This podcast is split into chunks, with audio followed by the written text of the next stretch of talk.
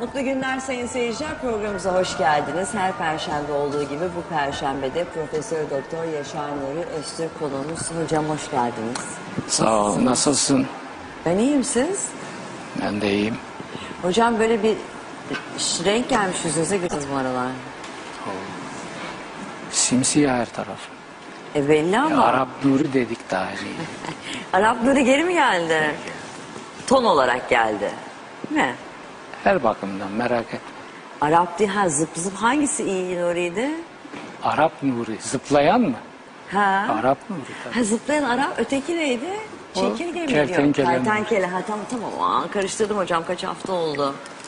Kertenkele Arap Nuri geri geldi. Şu kızı hocam çok. Size bu tonlar daha çok yakışıyor. Bu rengi epey zamandır arıyordum. Yani bu renk, bu tonda kumaş bulduk sonunda. Gece mavisi. İşte Gibi. neyse yani bu siyahla da gayet iyi gidiyor. Güzel olmuş, çok güzel olmuş hocam. Çok şıksınız. Güle güle giyin. Mersi. Hocam şimdi biz geçen hafta Necip suresine kaldık.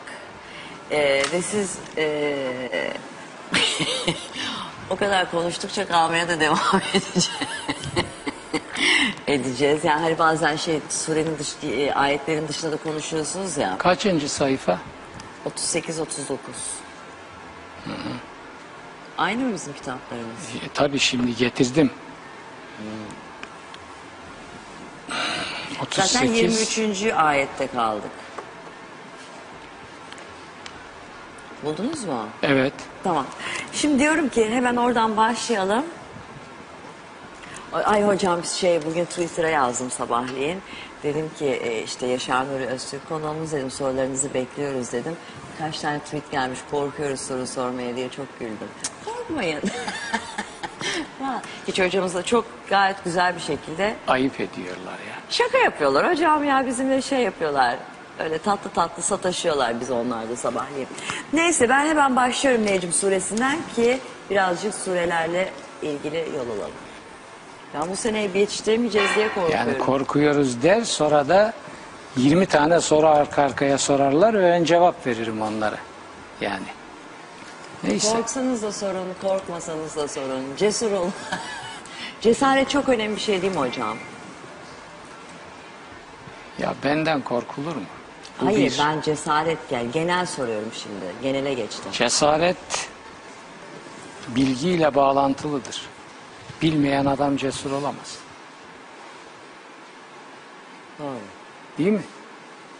Yani emin olmanız lazım konuşacağınız zaman. O da Ben bilgiyle sırf oluyor. konuşmakla ilgili demiyorum. Cesaret herhangi bir şey yapmaya, cesaret herhangi bir şey yapmaya teşebbüs. Ben- ben yani onu- o- onların evet, hepsinde. hepsi, hepsi aynı şey. Tabii. Sonuçta cesaret, cesaret. En büyük güç kaynağı bilgidir. Ve bilgisizlik körlüktür. Kör adam nasıl cesaretli olacak? Yani şu manada diyorum. Ne yaptığını bilmesi lazım.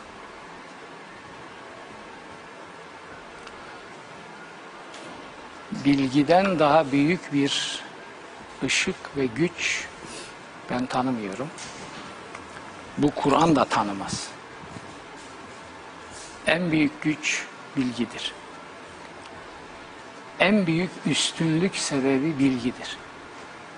Ne sınıf kabul eder, ne kıyafet kabul eder, ne ırk kabul eder, ne renk kabul eder, ne bölge. Hiçbir şeyin üstünlüğü yoktur. Bilgi müstesna. Bilenlerle bilmeyenler bir olur mu diyor. Yani böyle sitemli bir soru Kur'an'da bu. Daha neler var? Körle gören bir olur mu? Ölüyle diri bir olur mu? Bilgiyle cehaleti karşılaştırırken. Başlıyorum. Buyur. 23. ayetten 24'e geçmişti de 23'ten alalım ki e, tekrar hatırlayalım. Bunlar sizin ve atalarınızın taktığı isimlerden başka şeyler değildir. Onlar hakkında Allah bir kanıt indirmemiştir. Onlar sadece sanıya bir de nefislerin hoşlandığı şeylere uyuyorlar. Yemin olsun onlara hidayet Rablerinden gelmiştir. Bunu genişçe durduk bu ayet üzerinde. Durduk da ben hani oradan aldım ki şey yapalım diye tekrar hatırlayalım. Hidayet Rab'den gelir. Evet. İnsan için her özleyip hayal ettiği var mı acaba? Sonrası da, öncesi de, ahirette, dünyada Allah'ındır. Burada bir e, Arap dilinde istifami inkari dediğimiz yani öyle olmadığını göstermek üzere soru sorulur. Ne diyor? İnsan için her özleyip hayal ettiği var mı acaba? Yok yani. İnsan her istediğini elde edecek filan böyle bir dünya yok. Hazreti Ali diyor ki ben Allah'ı isteklerimin yerine getirilmemesi yoluyla bildim. Bu da bir yol. Çünkü siz bir şey istiyorsunuz ve karar veriyorsunuz. Cenab-ı Hak da başka bir karar veriyor. Sonuç üç gün sonra, üç ay sonra, beş sene sonra, on sene sonra, tarihi düşünürsek yüz sene sonra yaratıcının kararının isabetli olduğu çıkıyor ortaya. Siz bir şey istiyorsunuz hani vermiyor diyorsunuz ya mesela o zaten istediğinizin sizin hayrınız için olup olmadığını bilmiyorsunuz ki o nefisle ilgili bir şey, ego ile ilgili bir şey. İstiyorsun. Yani insan bazılarını olarak. bilirsiniz. Bazısı senin ha- hayrına bazısı değil. Her istekte hayır olacak diye bir şey yok. Siz bir şeyi şer görürsünüz. Halbuki onda sizin için hayır vardır. Bu Aynen da öyle Kur'an'da demek var. istiyorum. Kur'an'da var. Bir şeyi de hayır görürsünüz. O şerdir. Tabii. Yani her zaman insan ben gördüm bu hayırdır, bu da şerdir. Böyle- bir ukalalık yapmaması lazım. İşte bizde var ya hani her işte bir hayır vardır lafı filan. Bazı lafların Evet. şey temeli de bu Sab- tarz sabır, şeylere... sabırlı olmak lazım. Tabii. Sonra bir de istişare. İstişare çok istişare yapacak adam kalmadı. İstişarenin içinde eleştiri de vardır. Adam size der ki bu yanlış bu tavrın şeyi. Fakat adam size söverek işe giriyorsa bu adamla nasıl istişare yapayım ben? Güvenemesin ki adama. Adam size sövüyor. Şimdi bazıları eleştiri yazıyorlar. Ama böyle hakaret ve saldırıyla karışık. Fakat eleştirinin içinde benim yararlandığım şeyler de var. Ben de adama yazıyorum. Diyorum ki kardeşim bak şu şu şu dediğin doğru ve benim işime yaradı. Teşekkür ederim. Ama bunu adam gibi söylesen de güzelce birbirimize sevgiyle, saygıyla birbirimizi ifade etsek ve bu devam etse olmaz mı? Hayır. Yani toplumda insanın kalitesi düştü mü böyle oluyor. Evet. Ee, e, e, e. Göklerde nice melekler var ki şefaatler hiçbir işe yaramaz. Allah'ın dilediği ve hoşnut olduğu kimseler için izin vermesinden sonraki durum müstesna. Şu bir Şimdi gerçek şu ki şefaat meselesi bu şefaati karıştırıyorlar. Bir defa bu şefaat yoluyla İslam'ı şirke bulaştırdılar bunu söyleyeyim. Kur'an-ı Kerim şirki anlatırken müşriklerin gerekçelerinden birini de yedek ilahların Tanrı ile insan arasında şefaatçi olduğuna dayandırıyor. Şimdi Allah'la insan arasına şefaatçılar diye bir kadro, bir ekip, bir sistem koymak şirktir. Bunu bir defa bilelim. Kur'an bunu yıkıyor. Göreceğiz daha çok açık ifadelerle. Allah'ın izin verdiği dışında hiç kimse şefaat edemez. Kime izin verecektir Allah? Bu Kur'an'da cevapsız bırakılmıştır. Şu ifadede var Kur'an'da lillahi şefaatü cemi'a şefaatin tümü sadece Allah'ın elindedir. Kime bu izni verecek? Bak burada diyor ki melekler bile o izin vermeden şefaat edemez. İbn Teymiye bunları değerlendirerek bu büyük İslam bilgini diyor ki şefaat neticede bizim için birbirimize dua etmekten ibarettir. Şimdi tarikatlar Ne yaptılar bu şefaati? Tam Mekke müşriklerinin zihniyetine uygun olarak Efendi Hazretlerinin şefaati. Adam konuşuyor. Kıyamet günü diyor efendi mahşer meydanında dolaşacak. Bizden olanları diyor tek tek alacak ve cennete götürecek. Şefaat. Tam Ebu Cehil lafı. Tam şirk deklarasyonudur bu. Yani çok tehlikeli bir alandır. İnşallah yoğun olarak tamamlamaya çalışıyorum. Yani son kontrollerini yapıyorum. Şirk kitabı çıkacak. Çok çok önem verdiğim eserlerimden biri. Şirk anlatılmamıştır. Emevi şirkin anlatılmasını engellemiştir. Söyledik bunu. Şirk anlatılmadığı için tevhidi anlamak mümkün değildir. Çünkü Kur'an şirk tevhid zıtlığı üzerine kurmuştur bütün e, mesajını. Bunların birini anlatmadınız mı öbürünü anlamanız mümkün olmaz. Ve şirki bilmiyor. Hocalar oturuyor camilerde. O Allah'ı inkar eden dinsiz, imansız Mekkeli müşrikler. Hop hop hop. Hoca efendi dur ya yapma ya. Git evde otur pilavını ye, çorbanı iç. Yapma etme. Kim öğretti sana bunları ya? Kim? Sen şu Kur'an'ı okumuyor musun? Mekke müşriklerinden belki 30 tane ayet var. Onlara yeri göğü kim yarattı? Varlığı kim idare ediyor? Kim yaratıyor? Yağmuru kim yağdırıyor? Sordum mu? Vallahi Allah derler. Peki bu yedek ilahlarınız nedir? Onlar şefaatçılarımız ve yaklaştırıcılarımızdır. Allah'la aramızda vasıtalardır. E hoca sen şirkin dinsizlik olduğunu, ateizm olduğunu kim senin kafana soktu bunları? Sen bunu dediğin zaman Kur'an Kur'an'ın mesajı gitti. Niçin bunu bu şekilde hocanın günahı yok. O onun bildiği ne zaten. Bunu bu hale niye getirdiler? Çünkü şirki tam anlattınız mı Sabah Hanım Efendi? Bakın buradan açık söylüyorum. Camilerde düzine düzine müşriklerin dolu olduğunu görürsünüz. Maun suresini yazdık. Oradan şimdi şirke geleceğiz, anlatacağız. Şefaat.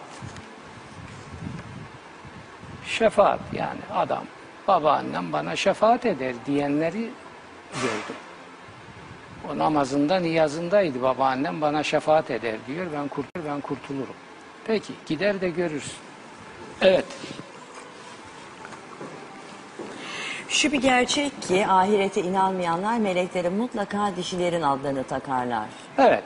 Bu bunlar böyle ayrımlar yapıyorlar. İşte e, melekleri sınıflıyor.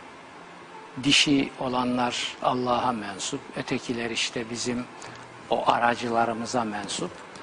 Bunlara ilişkin ayetler gelecek. Çok ayrıntılı. Ee, kendilerine göre bir bir panteon kurmuş. Şirk dini, şirk dini bir panteon dinidir. Tevhid dini ise tek kudretin egemen olduğu dindir. Tevhid bir ve birlik demek. Şirk ise şirket demek. Şimdi şirk dini şirketin başına Allah'ı koyuyor. Zeus gibi. Yunan paganizmindeki panteon gibi. Ama aşağıya yedek ilahları diziyor. Fark burada.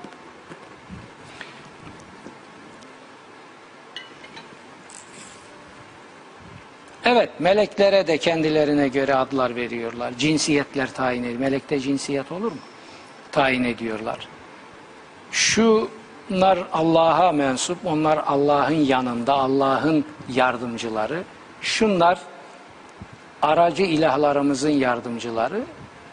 Böyle kendilerine göre sınıflamalar yapıyorlar. Yani melek bütün semavi dinlerde var. Ama Mekke şirki Hazreti İbrahim'in getirdiği semavi dini dejenere ederek ondan bir şirk dini çıkardı. Şimdi şirk dini şirk dini diyorum. Şirk dini, şirk bir dindir. Allah'a inanan, namazı olan, orucu olan, haccı olan, tavafı olan, umresi olan Ebu Cehil bunların hepsini yapıyordu. Bir dindir. Fark ne? Bazı farkları anlattım geçen hafta. Bir tane önemlisini de bugün söyleyeyim. Tevhid dini dejenere edildi mi, yozlaştırıldı mı ortaya çıkacak din şirk dini olur. Bugün İslam dünyasının İslam diye yaşadığı da bir şirk dinine dönüşmüştür. Çünkü İslam'ı tahrif etti, yozlaştırdılar. İslam dedikleri bu Kur'an'ın getirdiği din değil ki bugün. O zaman nedir bu? Tevhid dini sahteleştirildi mi, yozlaştırıldı mı ortaya çıkacak olan şirk dinidir. Bu kadar kısa tarif. Evet. Onların bu konuda herhangi bir ilmi yoktur. Yalnızca sanıya uyuyorlar. Sanıysa haktan hiçbir şey kazandırmaz. Evet bakın. İnne zanne la yuni minel hakkı şey'a. Şu ilkeye bakın. İlimle sanıyı mukayese etti burada. Hanımefendi, biz bir din kitabı okuyoruz tırnak içinde. Geleneksel olarak Kur'an bir din kitabı. Kur'an evet kitap, adlarından biri de kitaptır. Kur'an hayatın kitabıdır. Bir din kitabı Kur'an'a demek tam isabetli değildir. Kur'an kadar dinler tarihini, din adamlarını eleştiren bir kitap insanlık tarihi görmemiştir. Din kitabı. Nasıl din kitabı? Hayatın kitabı demek lazım. Namusun kitabı demek lazım. Vicdanın kitabı demek lazım. İnsan haklarının kitabı demek lazım. Nihayet Allah'ın kitabı ki o da onun adlarından biridir. Şimdi bakın ilimle sanıyı, zannı mukayese ediyor ve diyor ki bunların ayaklarının kayması ilimsizlik yüzündendir. Hani din kitabıydı. Pozitif bilim kitabı gibi. Şimdi Kur'an ne yapıyor? İnsanlık tarihinde getirdiği en büyük devrim budur. Bunu iyi zapt etsin herkes. Diyor ki ilim dini denetler, din ilmi denetleyemez. İşte devrim. Şimdi bizim İslam İslam diye bağırıp ortalığı birbirine katan insanların bundan haberi var mı? Haberleri olması için bir asır lazım. Ondan sonra icabını yapması için ne kadar zaman lazım bilmiyorum. İlim dini denetler. Din ilmi denetleyemez. Kilise bunun aksini yaptı, insanlığı mahvetti, komünizme teslim etti. Şimdi ben insanlık bu gidişle deizme gidecek diyorum. Ama ne kadar lütufkar, ne kadar hoşgörülü konuşuyorum. Ben ateizme gitmeyecek dememek için böyle diyorum. Yani adam Allah'a imanını korumak için ne yap bir çare arıyor. Nedir o çare? Diyor ki ben bu dini temsil ettiğini söyleyen sahtekarların dediklerini hayatıma egemen kılmam. Deizm dediğiniz bu. Kur'an'da diyor ki Allah'a imanını samimiyetle korursan son tahlilde ben seni kurtarırım. Lan bunu inkar mı edeceksin? Bunun adına deizm dersin, onu dersin, bunu dersin. Kur'an'ın dediği bu. Vahdaniyet ilahiyeye samimi bir kalple inananların ebedi hayatları kurtulur. Hesap, ceza görebilirler ayrı dava. Ama şirke düşenlerin ebedi hayat kurtulur mu? Yok onlar mahvolmuştur. Bunu anlatıyoruz. E insanlık kilisenin zulmünden kaçıp iki şeye sığındı. Ateizme sığındı, Allahsızlığa, felaket. Komünizm oradan doğdu. Deizme çok azı sığındı çünkü bu deizme sığınanlar yani Allah'ı kabul edip dini hayatına sokmayan felsefedir. Deizm kısaca bu. Bunlar Allah'a imanlarını korumak istiyorlar. Ama din adamı geçinen sahtekarların, üçkağıtçıların dediklerini de günlük hayatlarında yaşamak istemiyorlar. İşte deizm denen bu. Ben bu ülkenin akıllı insanlarına soruyorum. Size din diye anlatılanları orada burada, hatta camide akıllı ve vicdanlı insanlarına hitaben söylüyorum. oradan buradan yemlenen, oraya buraya bağlı insanları demiyorum. Siz bunu yaşamak istiyor musunuz? Hayır. Ne yapacak adam? Allah'a imanı var adamın. Ama ben bu sahtekarın dediğini günlük hayatımda yaşamak istemiyorum diyor. Bu adam bir yere sığınacak. Şimdi aforozla kendi pisliklerini örtmeye çalışıyorlar. Pislik sırıtıyor. Tespit ettin mi aforoz ediyor seni ki söylemeyesin. Bu aforoz mekanizması buradan geliyor. Engizisyonun insanlığa tabiri caizse hediyesidir.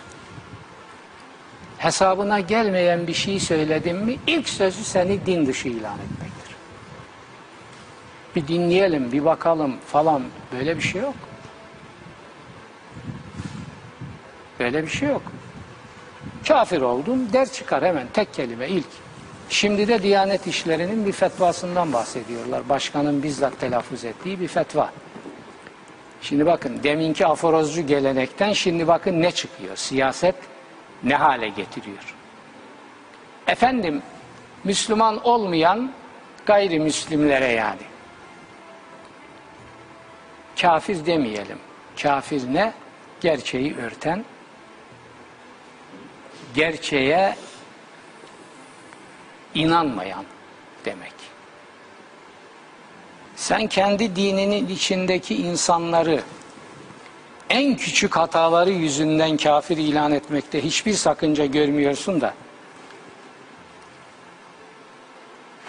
Kur'an'ı Muhammed'i kabul etmeyen adamlara kafir dendi mi bundan rahatsız ol. Seni kim dolduruyor böyle? Sen ne söylüyorsun ya Kur'an'ın 500 tane ayetine aykırı seni söyledi. Kendine gel. O öyle söylenmez. Evet şirke düşmeyenler akıbet Cenab-ı Hak tarafından kurtulacaklardır. Affedileceklerdir. Çektikleri ceza neyse o Allah'ın bileceği bir iş. Tamam bunu az önce ben de söyledim. Ama adam Kur'an'ı reddediyor, peygamberi reddediyor. E Peki bu Kur'an'ı reddediyor adam, peygamberi reddediyor. Buna bir ad bulacağız, buna müşrik demeyelim tamam. Ama inkarcı bu adam. Kur'an'ı ve Muhammed'i inkar ediyor. Bunu da mı demeyelim? Yani bir Diyanet İşleri Başkanı bunu nasıl fetvaya bağlar ya? Bu şekilde mi söylenir bu? 300-400 tane Kur'an ayetine çarpacak şekilde mi söylenir bu? Ben insanları bulduzerle süpürün doğru cehenneme göm. Buna ben zaten 30 yıldır buna karşı çıkan insanlardan biriyim. Ama lütfen Kur'an-ı Kerim'in beyinelerini de keellem yekün addedemeyiz. Yani herkes ağzından çıkana dikkat etsin. Emperyalizmin dayatmasına göre biz şimdi İslam'ı yeniden şekillendirecek miyiz? Evet. Bizim zikrimizden, Kur'an'ımızdan yüz çeviren ve iğreti dünya hayatından başka bir şey istemeyen kimseden sen de yüz çevir. Zikrimizden kesme Kur'an'ın. Çünkü zikir Kur'an'ın adlarından biridir. Bunu hiç söylemezler. Zikir dendi mi tekkede def çalıp atlayıp zıplamayı hep hep öyle e, şartlandırmışlar. İnsaf ya. Kur'an'ı tahrif ediyorsunuz ve Kur'an'ın beyinelerini saklıyorsunuz. Zikir Kur'an'ın adlarından biridir. Zikrin her geçtiği yerde birinci derecede hatırlanacak olan Kur'an'dır. Onun için zikretmenin de Kur'ani anlamı Kur'an okumaktır. Kur'an okumanın anlamı da Kur'an'ın ne dediğini anlayarak okumaktır Papağan gibi bilmediği kelimeleri okumak değil. On- Evet. Onların ilimden ulaşacakları şey işte budur. Kuşkusuz yolundan sapmış olan Rabbin çok iyi bilir. Hidayet Olanı, üze- olanı değil mi? Sapmış olanı. sapmış olanı Rabbin çok iyi bilir. Evet pardon.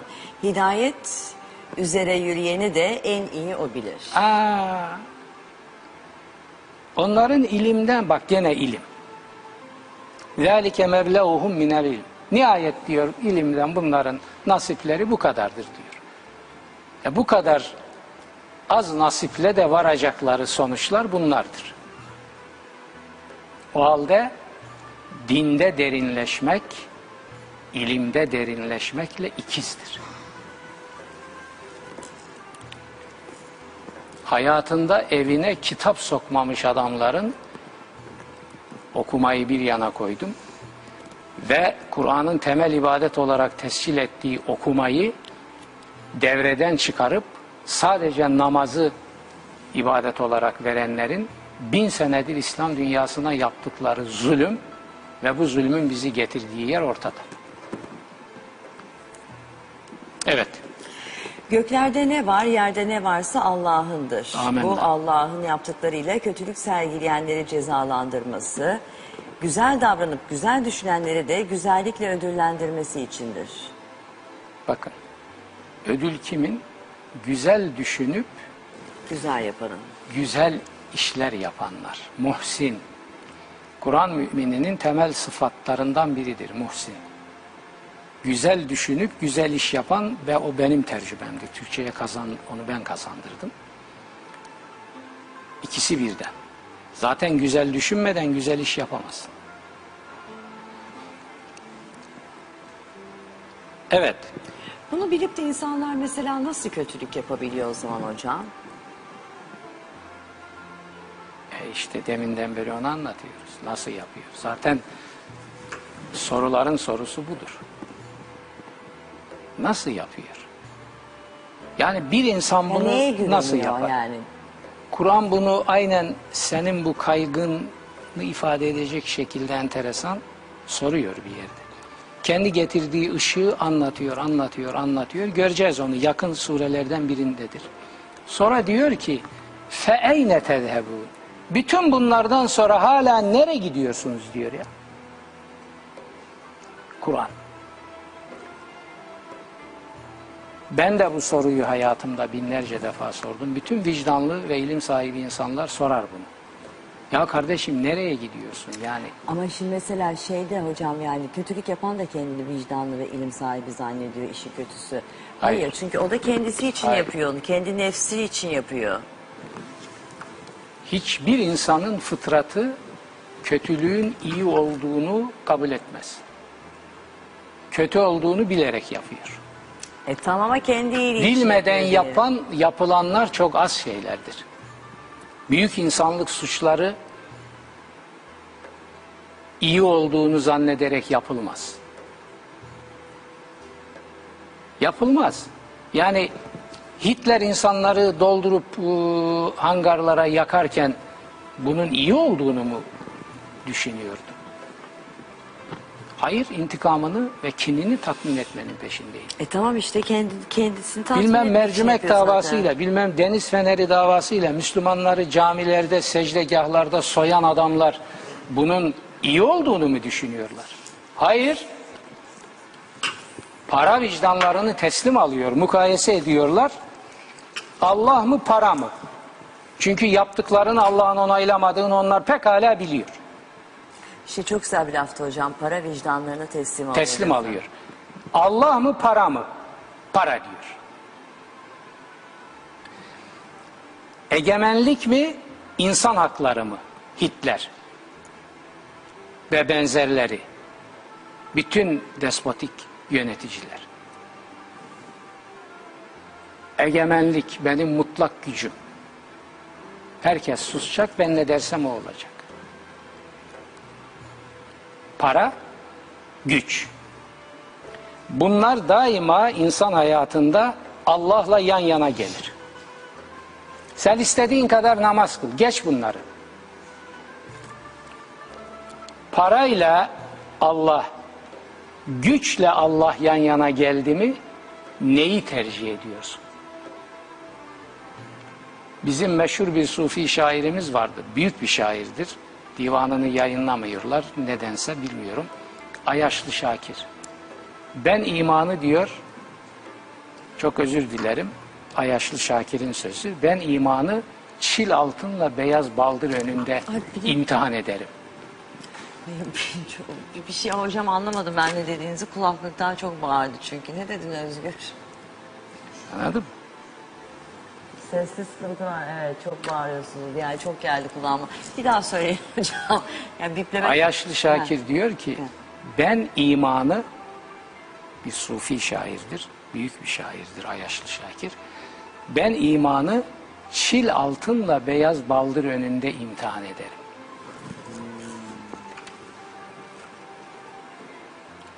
İşte bir ilavesi var ona. Ayaşlı Şakir tabi ilahiyat bilgini değil, o şairane bir duyguyla bunu gayet güzel söylemiş. İmanı güç, para.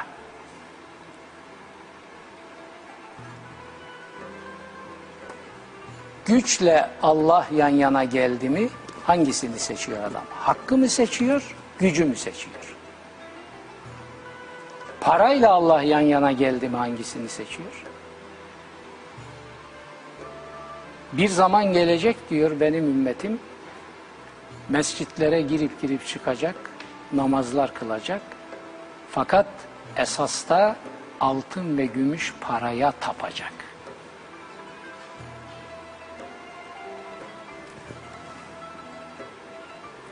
Şimdi Maun suresi ne diyor? İnsanların özellikle kamunun malını, mülkünü, imkanlarını talan edenlerin dini yoktur. Şüphe olur belki diye açıyor. Bunlar muntazam namaz kılarlar diyor ama o namazlar bunlara lanet olarak geri döner. Maun suresi. Aman aman aman aman aman aman. Aman aman aman. O Maun suresi insanlık tarihinde öyle bir devrim ki üstünü örttüler. Şimdi Türk İslam düşüncesinde de biz Maun suresi kitabıyla bu devrimi yeniledik. Şimdi bir devrim daha şirk. Bu da çıkınca inşallah burada tartışacağız. Devam ediyorum hocam. Buyur. Öyle kişiler Öyle kişilerdir ki onlar günahın büyüklerinden ve iğrençliklerinden, günahın ve iğrençliklerin büyüklerinden çekinip kaçınırlar. Bazı küçük sürçmeler hariç. Hiç kuşkusuz senin Rabbin affı geniş olandır. Sizi en iyi bilen odur. Hem sizi topraktan oluşturduğu zaman hem de annelerinizin karınlarında ceninler halinde bulunduğunuz zaman. O halde kendi kendinize temize çıkmış göstermeyin. Kimin Kendi sakın kendinizi. kendi Değil mi? kendinizi evet temize çıkmış göz siz de kendiniz yazmış gibi kendiniz çevirmiş gibi biliyorsunuz. o halde kendi kendinizi temize çıkmış göstermeyin. Kimin sakındığını en iyi bilen odur. Şimdi hocam biraz önce şeyden bahsettik ya hani ki kötülük yapmaktan kötü işte e, bir yukarıdaki ayette zaten ondan bahsediyorduk ve siz de insanların kötülüğü birbirine kötülük yapmaktan bahsediyoruz. Şimdi hani bir insan nasıl kötülük yapabilir diye de sordum zaten ben size. Yapar. Biliyoruz yaptığını. Vicdan kararırsa yapar. Biliyoruz yaptığını da. Hayır burada mesela işte e, Rabbin affı geniş olandır. Allah'ın affediciliğine mi insanlar inanıp güvenip de bunu birbirlerine bu kötülükleri Çok yapabiliyorlar? hayati bir soru sordu. İki bakımdan hayati. Çok önemli bir soru bu. Bir, burada bahsedilen Cenab-ı Hakk'ın affediciliği, hoşgörüsü, bağışlayıcılığı kesinlikle insanların birbirlerine olan hukukuyla ilgili değildir. Cenab-ı Hak hiçbir kulunun hakkını öbür kuluna bağışlamaz. Gücünü, yetkisini böyle bir iş için asla kullanmıyor. Kuralı koymuş. Hakkın sahibi kimse affetme yetkisi onundur. Bana olan borçlarınızı adam namazı eksik, niyazı eksik, orucu eksik, o, osu eksik, busu eksik. Tehdit etmiyor, lanetlemiyor ama ben diyor istersem hesap sorarım. Çünkü ben istedim sizden namaz kılmayı. Ben istedim oruç tutmayı. Bunlar bunlara Allah'ın hakları diyoruz. Ha bir daha Ama Ahmet'in Mehmet'in bir kuruşunu zimmetine geçirdin. Buna Allah asla karışmıyor. Yani Allah affedicidir işte e, Kadir Gecesi. Kulaklarıyla bütün, ilgisi bütün, yok. e, Ha, Şimdi oraya geleceğim. Hayati soru dedim ya iki başlı. İki. Allah'ın hakları ve kulların hakları ayrımını bir defa ortadan kaldırdılar. Adam camiden çıkmıyor. Sonra işte son yıllarda biliyoruz Türkiye'de o camide milyar dolarlık nasıl vurgunlar yapıldığını biliyoruz. Bütün dünya biliyor. Dünya mahkemeleri bunları yargılayıp mahkum etti. Bu ayrım kaldırıldı. Kul hakkı, Allah hakkı bu ayrım kaldırıldı. Başka bir şey daha yapıldı. O da Emevi'nin İslam'a yaptığı kötülüklerden biridir.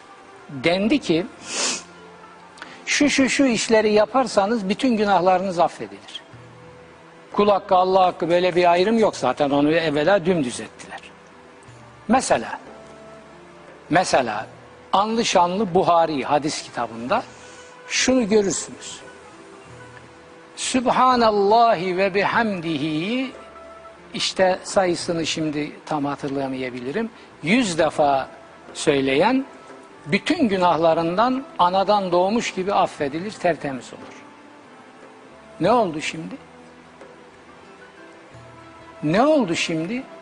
Bir cümlelik bir sözü yüz defa, iki yüz defa, iki yüz bin defa bile söyler. Canına minnet. Söylediğiniz zaman bütün günahlardan anadan doğmuş gibi tertemiz oluyorsunuz. Kadir gecesi şu kadar namaz kılan anasından doğmuş gibi tertemiz olur. Kim sizin kafanıza bunları soktu ya? Bu müşrik hezeyanları kim sizin kafanıza soktu? Subhanallahi ve bihamdihi yüz defa çektiğim zaman ben Kur'an'da yasaklanmış hak ihlallerinin tümünden affedileceksem bu dinin ne anlamı kalıyor? Bu din ahlakı nasıl denetleyecek? İnsan haklarını nasıl denetleyecek? Nasıl sağlayacak bunları? Efendim Buhari'de var. Bunlar nereden çıkıyor hocam? Emevi uydurttu bunları. Buhari, Buhari bu. Buhari zaten sahtekarlığın önde gideni. İmam-ı Azam'a sahtekar diyor. Güvenilmez adam diyor. Kafir olarak öldü diyor. Sen nesin peki? Sen İmam-ı Azam'ın kılı olabilir misin?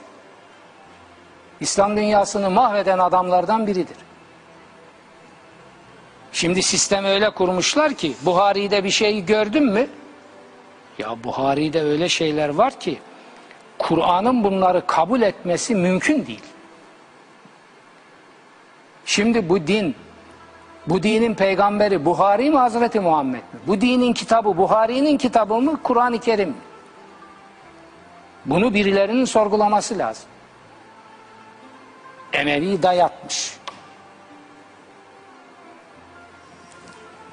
Şimdi burada sorular var. Sorulara geçince okuyacağız, söyleyeceğim. Ha, size de mi var? Şimdi hiç kimse bu geleneksel kabullere teslim olanlar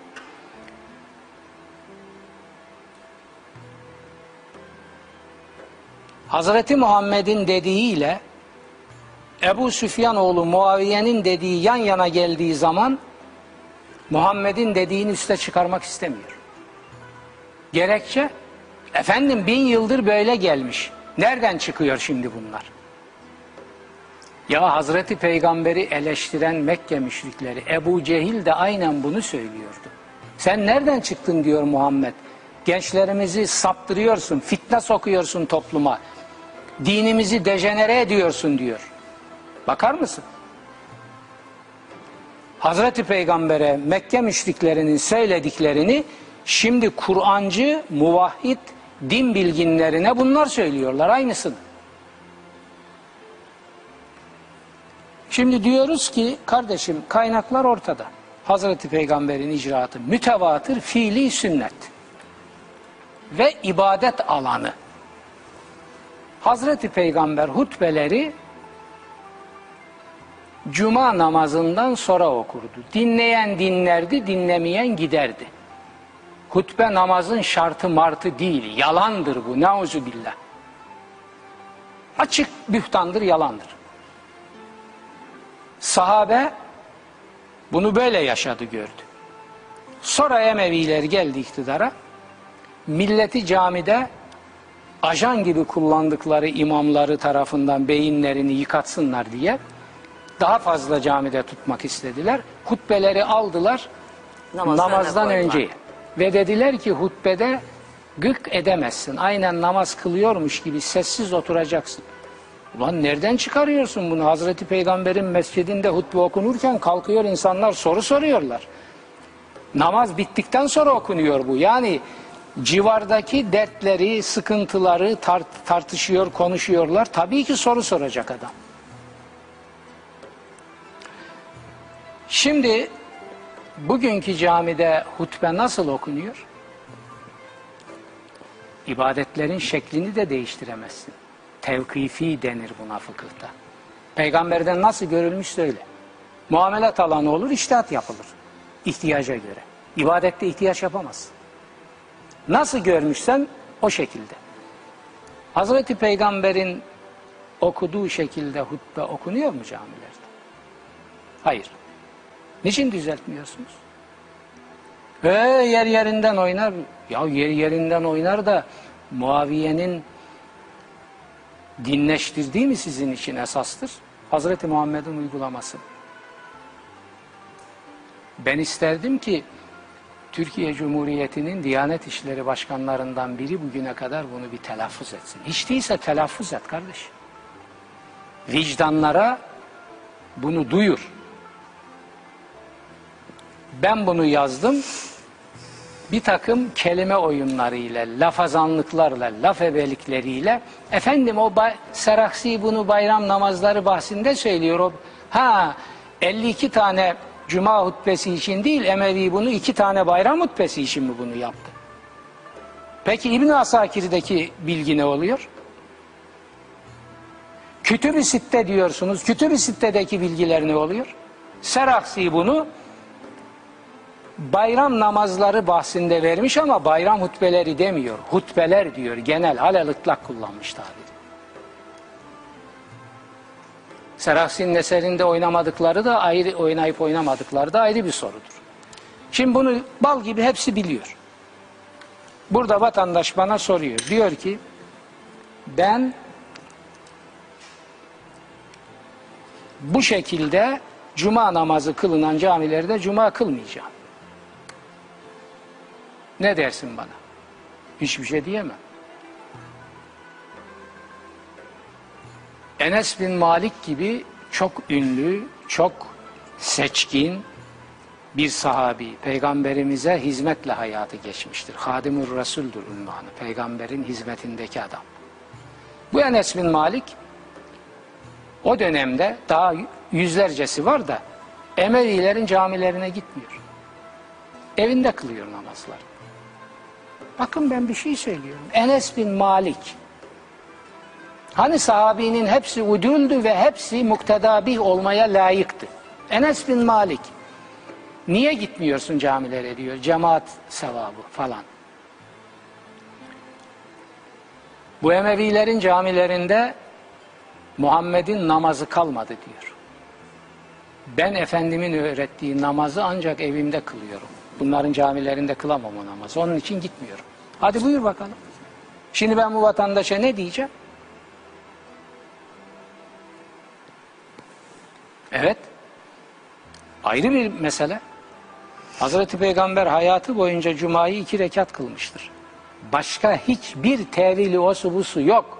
İbnül Kayyım El Cevzi Zadül Mead'ında diyor ki Hazreti Peygamber'in tahiyyetül mescit olarak bile cuma günü camide o iki rekat farz dışında namaz kıldığını söyleyenler de yalan söyler.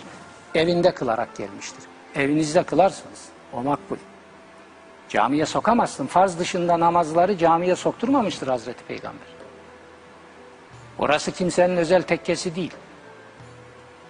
İslam'ın Cenab-ı Hak tarafından istenmiş, peygamber tarafından gösterilmiş, tabiri caizse resmi ibadetlerinin yeridir orası. Sen 16 rekata nereden çıkardın cuma namazını kardeşim? Diyanette bu kadar vukuf sahibi, bu kadar yetişmiş insan var. Geleneği dinleyerek susuyorlar. Ya söyleyin bunları. Size cop alın da herkesi buna uydurun. Hazreti Ömer bunu böyle yapıyordu.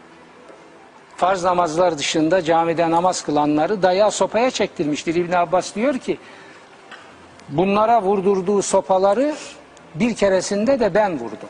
Beni görevlendirdi. Ama biz sizden bunu istemiyoruz. Söyleyin millet bilsin. Sen şimdi bana Hazreti Peygamber'in okuduğu şekilde hutbe okunuşunu kaldıran, değiştiren, başka bir şekle sokan bir uygulamanın yapıldığı camide İslam fıkhına göre namaz kıl diyebilir misin? Bilmeyen adam bilmiyor kılıyor. Allah niyetiyle onu e, bağışlayacaktır ayrı da. Ben biliyorum. Bid'at unsurlarının karıştığı, sokulduğu camilerde namaz kılınmaz. Fıkıhta bu var. Ya şirk unsurları var camilerde. İslam nasıl yozlaştırıldı kitabımda? Bunları liste halinde verdim. Şirk unsurları var. Bunun neresinde ben gidip de tevhidin namazını kılacağım? İslam'ın bana böyle bir emri mi var? Filan binada namaz kılmasan kabul olmaz. Bütün yeryüzü mabettir. Ben istediğim yerde namazımı kılarım. Evde kılmak da makbuldür üstelik de. Hazreti Peygamber evlerinizi kabristana döndürmeyin. Evlerinizde namaz kılın Adam şimdi orada camiye herkes abone olacak. Olalım başım üstüne. Ben istemem mi insanlarla beraber olmayı, kucaklaşmayı, dertleşmeyi, tanışmayı? Şu kadar faydası hayrı vardır onun. Tamam da bana tevhidin mabedini ver, ben de abone olacağım oraya. Muaviye'nin mabedine abone olmam. Bu kadar net.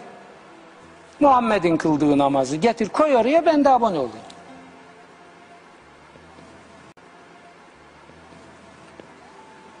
Şimdi bu arkadaş kim bu? Özgür diye birisi. İsmi Özgür mü acaba? Yok. Sizin özgür hocam. değildir. Sizin özgür olsa bana bizzat kendi sorar. Telefon açar sorar. Soru. Şimdi diyor ki Kur'an'da adlarıyla üç vakit namaz geçiyor. Hocam çok affedersiniz. Ee, birazdan zaten soru cevaba Ha, pa- pardon, geçeceğiz. pardon, İzleyicilerimize hayır ondan Ben demiyorum. erken başladım. Ondan Peki. demiyorum ya izleyicilerimize şurada şu şurada yalnız yazıyor telefon numaralarımız onu hatırlatmak istedim. 0212 289 86 05 ve 0212 289 84 08 telefon numaralarımız. Bir de Twitter adresimiz var. O da gördüğünüz gibi. Çok uzunmuş Twitter adresimiz. evet buyurun hocam. Onları da o bölümde sorayım ben size. Siz bana verin Tamam o kağıdı. tamam. Ben zaten e, ortadan girdim. Haklısın ama buradan münasebet düştü. Bakın bu ayette diyor ki takva sahibi kimdir bunu ancak Allah bilir. Şimdi onun içindir ki Kur'an-ı Kerim takvayı namı diğer dindar olmayı, daha dindar olmayı insanlar arasında üstünlük ölçüsü yapmayı yıkmıştır. İnne ekremeküm indallahi etkâküm. Allah katında takva bir üstünlük ölçüsüdür. Allah'la kul arasında. E takvayı insanlar kimdedir bilmiyorsa nasıl bunu üstünlük ölçüsü yapacaksın? Bilmiyorsun. Onun için insanlara dindarlıklarına göre paye verme bir toplumda başlarsa bunun gideceği yer şirktir veya dinsizliktir, zulümdür. Kur'an bunu yıkmıştır. Ehliyet ve liyakata göre insanlar arasında payeler dağıtılacak. Takva Allah katındadır. Oradan mükafatını Cenab-ı Hak'tan alırsın, onu veriyor Kur'an. E şimdi ne oluyor? Adam çıkıp diyor ki, büyük ihtimalle iyi niyetle diyor. Öyle alıştırılmış, öyle yetiştirilmiş. Ben dindar müdür isterim. Dindar efendim vekil isterim. Dindar cumhurbaşkanı isterim. Dindar şunu isterim. Dindar bunu isterim. Ehil isterim demiyor. Şimdi kesinlikle bir saygısızlık ve sataşma kastım olmadan internette bir yazı dolanıyor. Bakın şimdi buraya özetini aldım. Dindar saygımı tekrar ifade ederek söylüyorum. Dindar bugünkü Cumhurbaşkanımız. Böyle kabul edilir. Geldiği günden beri 5 yılda bu internette dolanan bir bilgi. 451 trilyon para harcamış köşkte. Hiç dindar diye vasıflandırılmayan Ahmet Necdet Sezer. Tekrar ediyorum ikisine de saygımı yeniliyorum. Hiçbir sıkıntım benim yok. Onlara bir sataşma niyetim de yok. Ahmet Necdet Sezer hiç dindarlık diye bir vasfı unvanı yok. Dikkat edin. Bütün Cumhurbaşkanlığı döneminde 7 yılda bütün köşke verilen para 190 trilyon bunun 46 trilyonunu tasarruf edip iade etmiş devletin hazinesine. 5 yılda 451 trilyon dindar cumhurbaşkanı, 7 yılda 190 trilyonun da 46'sını iade eden dindar ünvanı olmayan bir cumhurbaşkanı. Ne yapacağız şimdi? Hocam onun onunla ne alakası var? Var. Demek ki siz toplumda payeleri dindarlık kıstası ile vermeye kalkarsanız mahvolursunuz. Ehliyet ve liyakatla vereceksiniz. Ben filanca ehliyet ve liyakat sahibi değil demiyorum. Hiç öyle bir niyetim yok. Ama baştan vaz edilen kıstaslar yanlıştır. Yarın bugünkü Cumhurbaşkanı gibi işinde de ehil, yetişmiş, siyaseti bilen, devleti bilen, sistemi bilen biri yerine dindar unvanı olan fakat hiçbir şeyden dünyadan haber olmayan biri gelse işi berbat etse ne olacak? Dindarlığı esas alarak paye verdiniz. Tamam vicdanımızda dindarlığına da kendi içimizde bir değer verelim. Kim bundan şikayetçi olur? Ama çıkıp toplumun önünde bunu ilke haline getirdiniz mi? Ne olacak? Ha? Deniz feneri soyguncuları dindar diye bilinmiyor muydu toplumda? Ne dindarı ya? Din avukatı, Allah'ın avukatı diye geçiniyordu hepsi. Hocam yine gittiğinizde Mercimek talanını yapan böyle bilinmiyor muydu? Necm suresine geri dönmeyi size He. e, öneriyorum. Ya. Hocam gidiyorsunuz yani. Peki gitmedim, döndüm Tutamıyorum geri. sizi. Döndüm geri, buyur. Ha, dönün yani. Ben ne Ama ay- ayet diyor ki Ayette takvanın kimde yani- olduğunu Allah bilir diyor. Deniz Siz fenerinden bahsetmiyor yani. Siz de oralara gidiyorsunuz. deniz Anlaşılıyor. fenerinden bahsediyor. bal Bahsediyor da gibi. anladım da yani ta oraya kadar gitmeye gerek yok. Konu dağılıyor hocam. Peki, buyur. Bak soru cevaba geçeceğiz yine bitiremedik. Bitmez. Hocam ama ya eğer böyle giderseniz her yere bitmez. kalın hocam burada burada kalın. 33. Ee, 33. O yüz, o yüz geri döneni gördün mü? Yani vahiy geliyor, dinliyor adam. Hadi be bu nedir deyip çekip gidiyor. Azıcık verdi sonra inatla sıkıca tuttu. Gaybın Bak, bilgisi bak, bak, onun bak. yanında da Bakın o bak mu görmüyor? kafa tutanı neyle itham ediyor? Toplum için, halk için, kamu için zengin kodamanlar bunlar. Şimdi girmiyorum ayrıntıya. Ee, Bir üç kuruş, beş kuruş veriyor. Şimdi diyorlar ya işte üzerinden bir yıl geçecek, kırkta bir vereceksin. Neresinde Kur'an'ın kırkta bir diye yazıyor? Kur'an'da yazan belli. İhtiyacınız dışındakini kamunun ihtiyaçları için seferber edin. Kur'an'ın dediği bu. Kırkta biri nerede uydurdu? O gün belki o şartlarda öyle olmuştur. Şimdi bak diyor ki azıcık verir, sonra Azıcık da verdi sonra inatla sıkıca, sıkıca tuttu. tutar. Veremez. Allah bunlar için ne zaman makbul biliyor musun? Hep verdiği zaman. Gayet- Ver dediği zaman Allah'a saygıları bitiyor. Evet. Gaybın bilgisi onun yanında da o mu görmüyor? Yoksa haber verilmedi O mu görüyor? Olur mu sabah? Ha. O mu görüyor pardon. Yoksa haber verilmedi yoksa haber verilmedi mi ona Musa'nın sayfalarındakiler? ve o çok vefalı İbrahim'in sayfalarındakiler. Evet. Gerçek şu ki hiçbir günahkar bir başka günahkarın yükünü sırtlamaz. Şimdi burada çok önemli bir mesaj var. Hazreti Musa'nın getirdiği vahye atıf yapıldı. Hazreti İbrahim'in getirdiği vahye atıf yapıldı. Çünkü bu Mekke müşrikleri biz Hazreti İbrahim'i temsil eden onun esas torunları bizleriz diyor. Muhammed diyor fitneci, fesatçı, ortaya çıkmış yetim bir çobandır.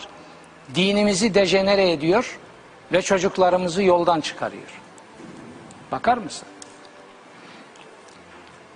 Buralara telmihler var burada. Hazreti İbrahim'in dinini yozlaştırarak Ebu Cehil dinini ortaya çıkarırlar. Şirk dini budur. Hazreti Muhammed'in dinini de yozlaştırdınız mı başka bir şirk dini ortaya çıkar. Ve çıkmıştır. Gerçek şu ki hiçbir günahkar bir başka günahkarın yükünü Evet. sırtlamaz. Sırtlamaz. Onun için Ge- kilise düşüncesinde Paulus kristolojisinde esas olan Hazreti Adem'in günahı bütün insanlığın müteselsilen sırtına binmiş olarak devam ediyor. Zelle-i asliye. Peşe orijinal veya original sin İngilizcesiyle söylersek. Zelle-i asliye Arapça e, ifadesiyle. Bu bütün insanların sırtına böyle biner devam eder. İnsan bu kamburla doğar. Kur'an bunu kabul etmiyor. Çünkü diyor günahta veraset ve intikal yoktur. Günahta şahsilik esastır. Hazreti Adem işlediği günahın hesabını Allah'a vermiş ve zaten affedilmiştir. O onun çocuklarına intikal etmiyor. Böyle bir şey yok. Gerçek şu ki insan için insan için çalışıp didindiğinden başkası yoktur ve onun çalışıp didinmesi yakında görülecektir. Görülmüyor mu? Bakın göklerin, yerlerin altını, denizlerin al her tarafı, her tarafı harmanladı. Çalıştığından başkası yok. Çalıştığından başkası yok. Peki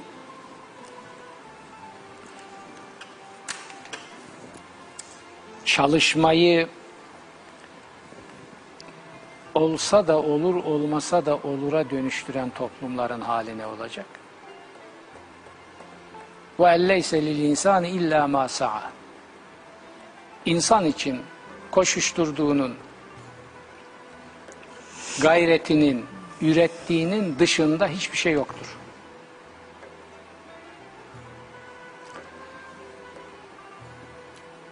Dünyada üretime bakın. OPEC petrollerinin yüzde 65'ine sahip olan Müslüman Arap dünyasının bütün üretimini toplayın. O yerden çıkan petrolü bırak, o hazır zaten. Onun dışında bütün üretimini toplayın, İtalya'nın yıllık üretiminin üçte birine denk gelmiyor. Yalnız İtalya'nın.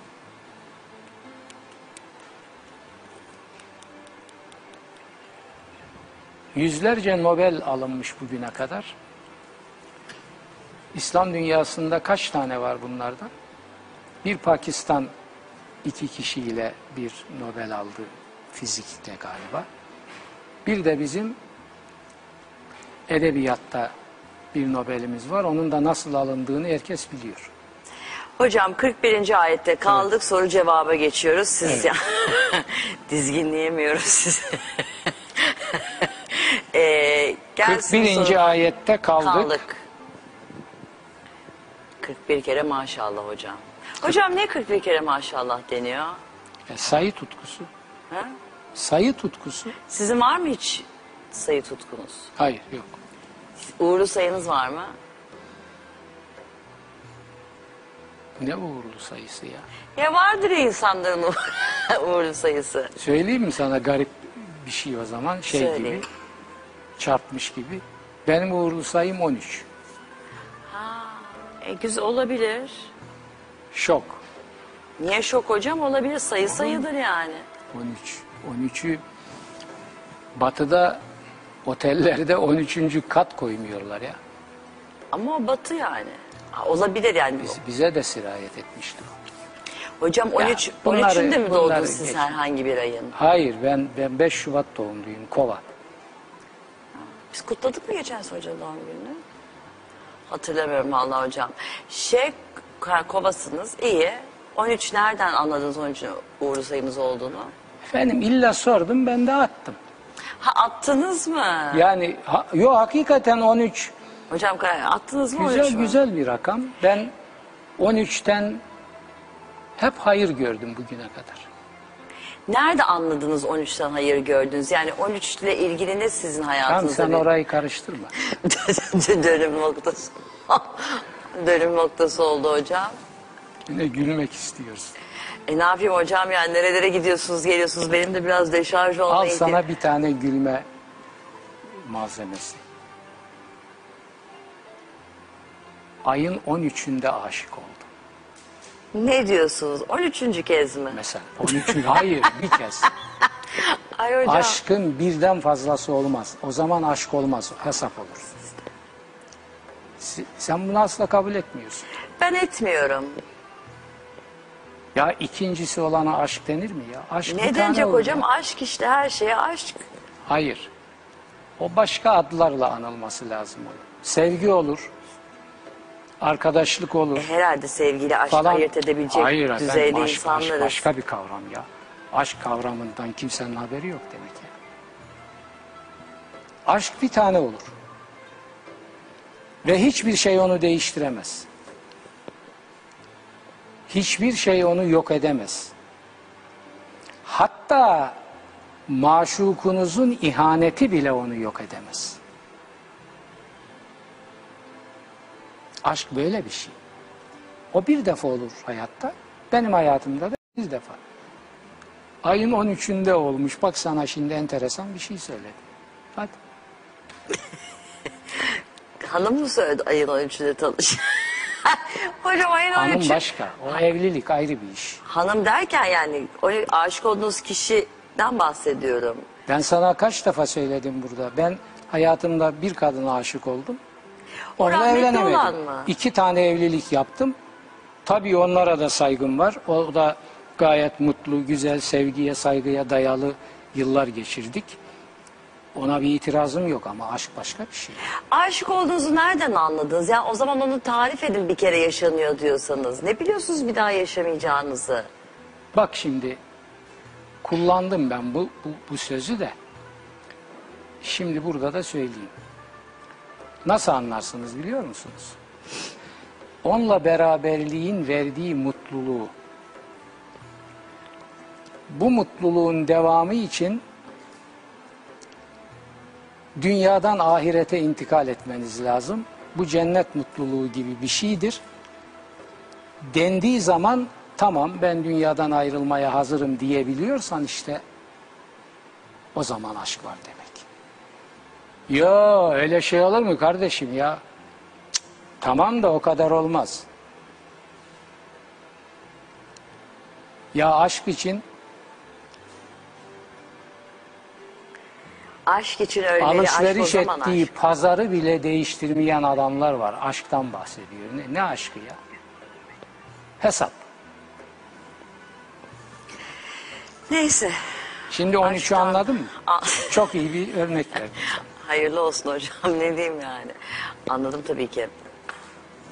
Soru cevaba geçelim. Özkan Yaşar Bursa'dan sormuş. Mezhep kavramı ne zaman ortaya çıktı? Peygamberimizden 200 yıl sonra. Peygamberimizden 200 yıl sonra. Herhalde bunu bir tek bu kadar sormamıştır değil mi Özgür? Biraz açabilir miyiz bu konuyu? Ya mes mezhep yorum ekolü demektir. Şimdi şurada biz de bir yorum getiriyoruz. Bütün ilim adamlarının yorumları bir mezhep faaliyetidir. Ama mezhepleri din yapamazsınız. Bir adamın yorumunu din yapamazsınız.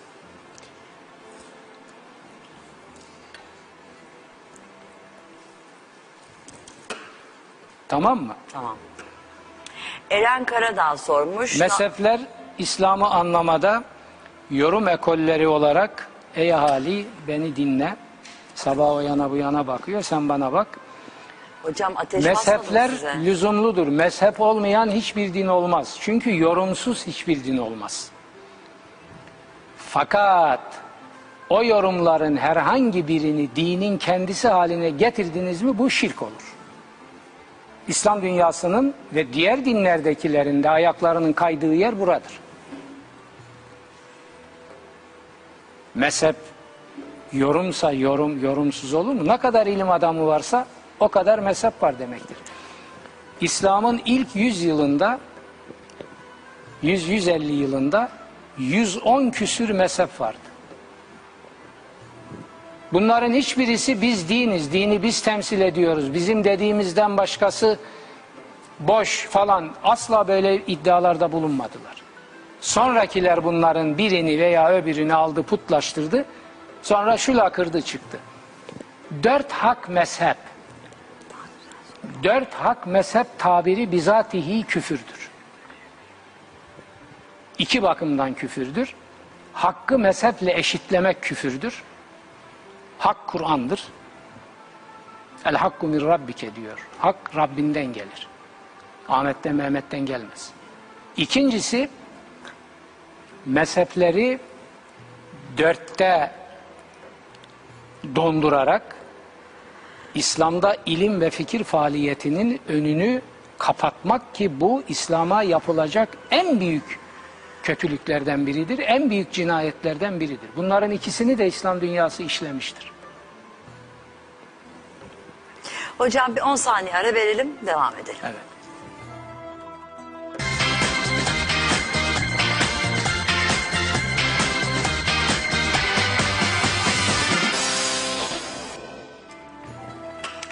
Evet 10 saniyelik süremiz geçti. Şimdi tekrardan sorularla devam ediyoruz. Demek ki sor Ee, sonunda Twitter'dan sorumuz geldi. Hocam burçlar konusunda ne düşünüyorsunuz? Kur'an'da astrolojiden söz ediliyor mu demiş. Kim demiş? O kendini görüyordur. Ben göremiyorum buradan. Kim demişse Kur'an'da da Kur'an fal kitabı değil. Ama astrolojiye ben e, önem veriyorum. Yani onu görmezlikten gelmiyorum. O anlamsız bulmuyorum. Yani Onu biraz hepsinin Kur'an-ı Kerim'de yer alması şart değil. Yani Kur'an-ı Kerim'de çarpım cetveli var mı? Yok. E, inkar mı edeceksin? Yani. Hocam peki birazcık bunu açmanız gerekirse yani. Açamam Tamam, çünkü Kur'an-ı o Kerim'de işi- söz edilmiyor ama siz nereden nereye e, O işi inanıyorsunuz? Bilmem yani ben astroloji filan bilmem. Ama anlamsız olduğu yolunda bir kanaatim yok. Onun da bir anlamı var. Tabi bu işi istismar eden, bunun simsarlığını yapanlar da Tabii var. ki Ayrı var. dava. Ayrı dava. Ama şimdi bakın olay şu. Gökten olduysa yerde İnsan olur? insan küçük evren, evren de büyük bir insan. İnsan küçük evren. evrenle bizim sıkı bir münasebetimiz var. O halde yıldızların, burçların bizim üzerimizde etkisi var. Bunu inkar edemezsiniz. Bunu ben bilmiyorum nasıl ama bunun olduğuna inanıyorum. Bir biçimde bu etki var. Ama Kur'an bunlarla niye uğraşsın? Zaten her şey birbiriyle etkileşim içerisinde değil mi? Gayet de. E Yani. Gayet. O mantıktan yola çıkarsan her şey birbiriyle etkileşiyor zaten. İslam tarih boyunca müzik kavramına nasıl bakmıştır? Şarkı söylemek haram diyen kişiler var hala. Yok artık. Ha onun cevabını Mevlana Büyük Mevlana çok kalıcı, çok sarsıcı, çok muhteşem biçimde vermiştir. Böyle müziğe kafa tutan yani cennette de müzik mi olacak filan e, diye laflar eden birine diyor ki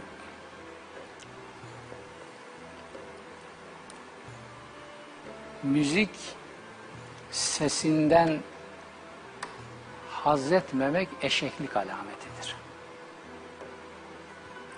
Sen cennette haşa müzik falan mı olurmuş?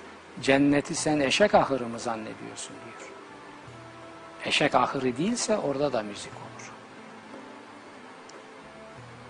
Müziksiz bir dünya insan mümkün mü? Evrenin zaten her tarafı müzik dolu. Şimdi ben de onu söyleyecektim. Her tarafı müzik dolu. Her tarafın otolarla Denizin dolu. kenarına oturun dinleyin. Hele Karadeniz'i. Dalganın güzelliği orada. Size durmadan konser verir orada. Kuşlar. Şimdi ben evimin bahçesinde yazın onu anlatayım. Ya şu kadar kuş, serçe diyeceğim yani neyse. O ilkbahar, o her yer fışkırdığı zamanda. Şu kadar. Seyrediyorum. Ya şu kadar ya, şu kadar. Bunun içine bu çipi kim yerleştirmiş ya? Bir saat orada nasıl bir konser veriyor? O nasıl bir senfonidir? O ses nereden çıkıyor? Şu kadar vücut, şu kadar. Ceviz kadar bir vücut. Yani varlığın ta bağrında musiki var. Varlıkta var, doğru söylüyorsunuz. Aynen öyle. Nasıl peki böyle bir kanıya Bunu, varabiliyorlar? bunu inkar edene işte Mevlana layık olduğu, müstahak Cevabı olduğu sıfatı vermiş. vermiş. Evet. Ee, melekler dileklerimizi Allah'a gerçekten ulaştırır mı? Bu meleklerin görevi midir? Hayır. Meleklerin öyle bir görevi yok. Meleklere Cenab-ı Hak insanoğlunun yaptıklarını kaydet emri vermiştir bazılarına. Onlar Kur'an'da geçiyor. Onlar kaydı yapar. Gerisi onları ilgilendirmez. Dolayısıyla melekler şefaatçi mefaatçi de olmaz. Zaten baş tarafta okuduk onu.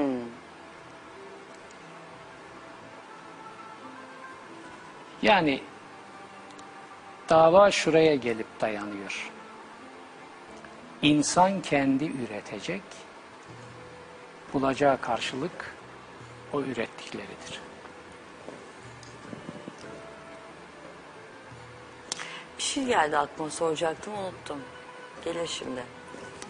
Meleklerle ilgiliydi galiba. Neyse öteki soruya geçeyim. Fişinin çekilmesi gerektiğini söyleyen doktorla ve fişinin çekme kararını veren yakını ölüm kararı ve- vererek vebale girmiyor mu? Neyin fişini? Herhalde birisinin fişini. Yani, Yani, hasta birinin. Ölmek üzere olan. beyin Ha, ölümü anladım. gerçekleşmiş Ne birinin diyorlar diyelim. ona? Ötenazi mi? Onu kişi ötenazi, kendi istiyor ama. ötenazi, evet. Onda kişi kendi ister. Bunu da bilmiyoruz ki ne olduğunu. Ya kendi ister veya neyse. Ötenazi değil bu Adı, yani. adı odur. Değil hocam şimdi burada diyor ki anladığım kadarıyla e, doktor diyormuş ki fişinin çekilmesi lazım. Ondan sonra e, bir yakında diyormuş ki tamam çekelim.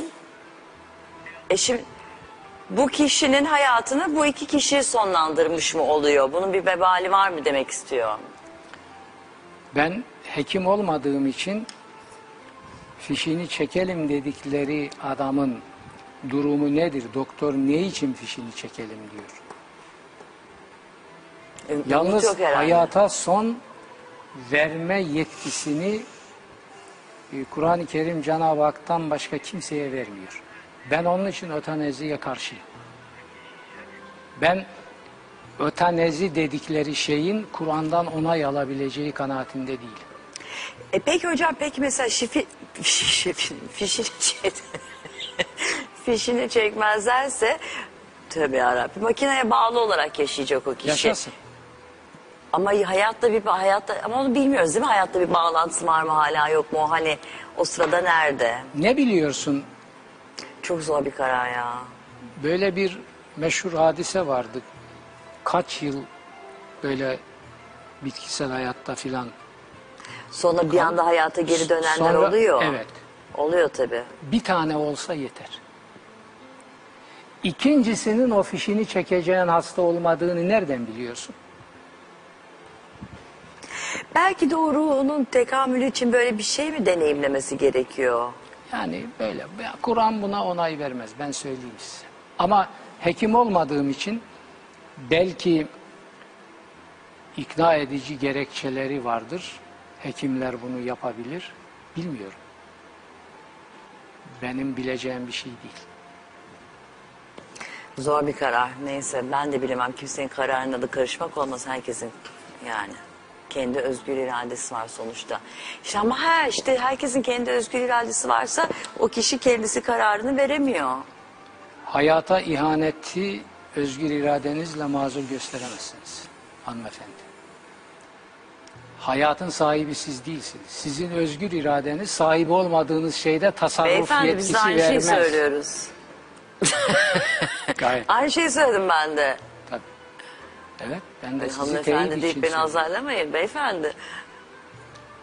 Estağfurullah. Yok canım hayır, aynı şeyi söylüyor siz yanlış anladınız zannettim de. Şimdi özgürlüğüm benim, sizin özgürlüğünüz intihar etmenize gerekçe değildir. Ve o yetki ve o yetkiyi size vermez. Çünkü can siz canın sahibi siz değilsiniz. Siz onu korumak, yaşatmak, daha iyiye götürmekle yükümlüsünüz. Ona son verme yetkisi size verilmemiş. Değil mi? Onun için intihara Kur'an-ı Kerim en büyük günahlardan biri olarak bakar. Bazı İslam bilginleri intihar ederek ölenlerin e, doğrudan cehenneme gideceğini söyleyenleri vardır. Ya çok büyük bir günah. Şimdi ötenezi intihara girer mi girmez mi dedim ya bunu hekimler hekimlerle belki din bilginleri birlikte konuşsalar daha iyi bir sonuç çıkar. Benim şahsi kanaatim eee, demin de söylediğim gibi öteneziye Kur'an izin vermez. Yusuf Koca Balıkesir'den sormuş. Bana karşılığını vermeyen birine borcumu ödemesem olur mu? Günah olur mu? Bana Ne karşılığını verme. bu? Evet ne demek bu Özgür? Ne demek bu Siz de şimdi? kısaltınız. He? Maytap mı geçiyor bizle? Karşılığını vermemişse nasıl borçlu oluyorsun? Neyi? Ha?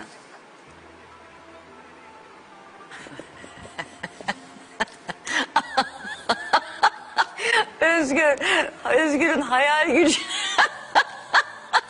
Ay bayılıyor. Duydunuz mu? Bilmiyorum hocam çok yaratıcı Özgür. Vallahi çok seviyorum Özgür'ü. Söyle bakayım mesela bir tane mala. ha notlarda mı yazıyor? Ha ben sen öyle ha, ha pardon. Bir mal ya da hizmet almış. O ayıplı çıkmış. Parasını ödemiyormuş. Günah olur muymuş? Can gitsin yargıca, mahkemeye orada baksın. Tüketici hakları diye bir şey var. Avukat olarak bana gelsin diyemeyeceğim. Avukatlık yapmıyorum. Yani baroda kaydım devam ediyor ama fiilen. Yapmıyorsunuz. Bir avukata gitsin ben, konuşsun. Bunu ben zaten ki bu sorudan bu şeyi bu yorumu özgür çıkardı hani ayıplı mal falan. Diyorum ki ne yaratıcılık. Billur Uçak sormuş. İlk Müslüman kimdir? Farklı bilgiler var mı?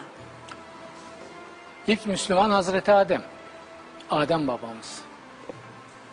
Çünkü İslam bütün peygamberlerin getirdiği dinin ortak adıdır. Tabi her dinin kendi içinde de ilk Müslümanları vardır. Yani o da o dinin peygamberidir tabii ki. Ama İslam Hocam, sadece Hazreti Muhammed'in dininin adı değildir. İslam bütün peygamberlerin eee tebliğ ettikleri dinlerin ortak adıdır. Kamp adı gibi kullanmayalım İslam'ı. İslam Allah'a teslimiyet demek. Eşler Eşler arasını düzeltmek için yapılan muska ve manevi araçlarda günah mı? Herhalde. Muska hiçbir zaman manevi araçlar dediği hocam macun başka şeyler. gösterilemez. Muskayı demiyorum. Büyücülük haramdır.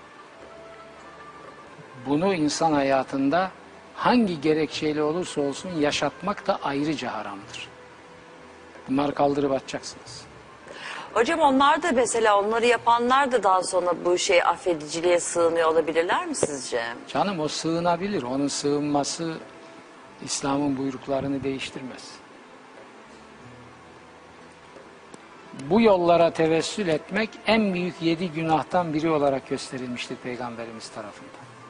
Hem de bayağı. Gerekçesi evet. Hem de en büyük yedi yıkıcı günah el mühlikat tabiri kullanılmıştır. İnsanı mahveden yedi büyük günahtan biridir. Büyücülük. Şimdi insan kaderi bunlara bağlanırsa eşler arasını düzeltmek için muska yapalım. Biri de bozmak için muska yapar. Öbürü bilmem ne için muska yapar.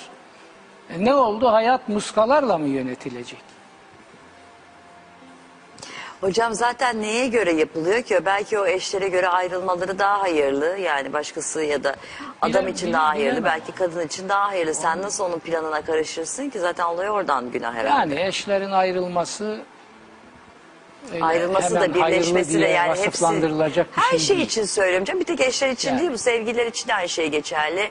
İş e, egosu için de aynı şey geçerli. Her şey için geçerli yani. Muskayla falan yok. Bakın Kur'an bunları insan hayatından kovmak istiyor. Gerekçesi ne olursa olsun. İnsan hayatını hakka saygı ve çalışmak üzerine oturtmak istiyor. Muska, keramet, afsun, şefaat bir bunlar bunları yıktı Kur'an. Bunlar şirkin malzemesidir. Yıktı bunları. Hazreti Ayşe bir çocuğun üzerine bir gün ustura asıldığını görüyor. Hazreti Ayşe sahabenin en bilgilerinden, en cesurlarından ve insan hakları bakımından da en önde giden savunuculardan biridir.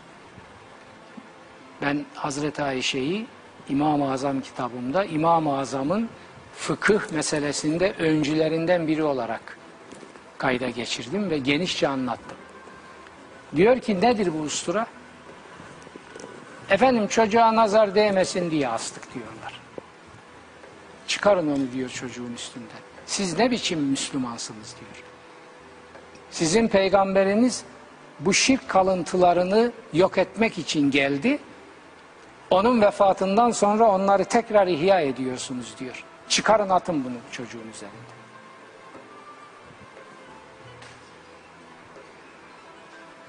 Ne niyetle yapılmış olursa Ne korumak için. Hayır efendim. Neyi korumak?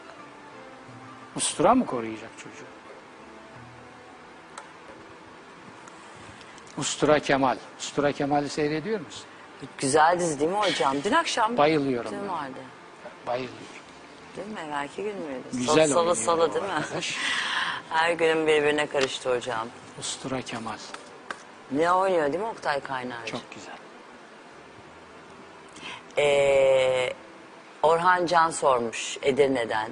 Veda hutbesinde aşırı, aşırıya gitmeyin diyor. Ne demektir? Hi, nerede veda hutbesinde aşırıya gitmeyin? Ne öyle bir tabir ben hatırlamıyorum veda hutbesinde. Ne Bilmiyorum. bağlamda söylüyor bunu? Hocam, Ha genelde aşırılık İslam'ın hoş görmediği bir davranış biçimidir. Yani hiçbir konuda aşırılığı övemezsiniz. Övemeyiz. Evet. Kur'an'da hayvanlar ve hayvanların korunması, kollanması ile ilgili nasıl bilgiler veriliyor? Ha. Şimdi geldi göstereceğiz. Şu kitaba iyi bakın. Hocam bunun kapağı güzel olmuş ha. Evet çok güzel oldu. Hani Yeni öteki kapak, o gri gri pek alması yoktu Altıncı baskıda yok o gitti. O benim haberim dışında olmuştu. Gösterelim. Bu hayvanlar Küresel meselesini afetler. tabii çevre, yeşilin korunması, tabiatın korunması, e, yeryüzünün dengelerinin korunması bu kitap o bakımdan e, Kur'an açısından meseleye bakan tek kitaptır.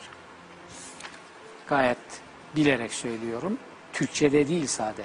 Hiçbir dilde bunun yerini tutacak bir kitap şu ana kadar yayınlanmadı.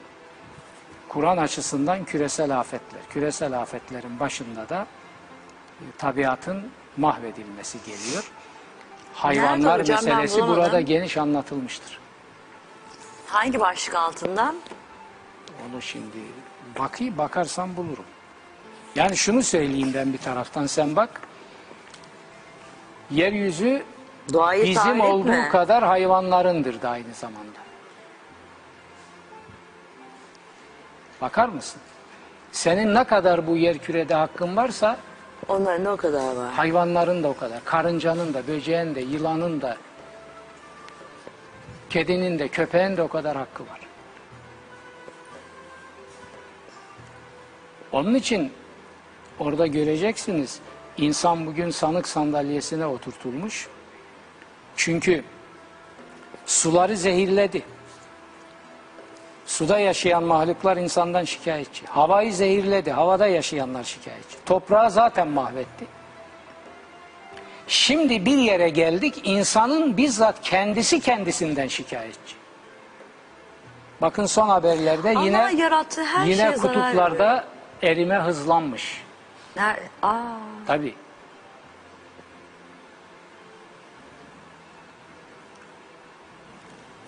Dolayısıyla hayvanlar yani Kur'an'da hayvanlar diyor.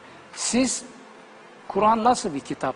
Karıncayla en büyük peygamberlerden birini konuşturuyor. Karıncaya o peygamberi ve ordusunu itham ettiriyor ve onu haklı çıkarıyor. Çevre bilimciler bilmem ne. Neredesiniz?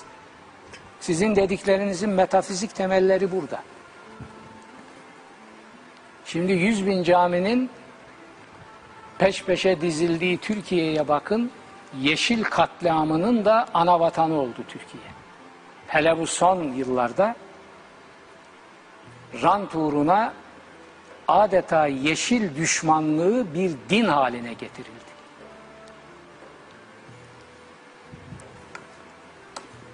Siz nasıl oluyor da Allah'a ibadetten bahsediyorsunuz? Yeşili katledenlerin o katlettikleri yeşilin yerine diktikleri mabetler Allah'a ibadet mekanı olamaz.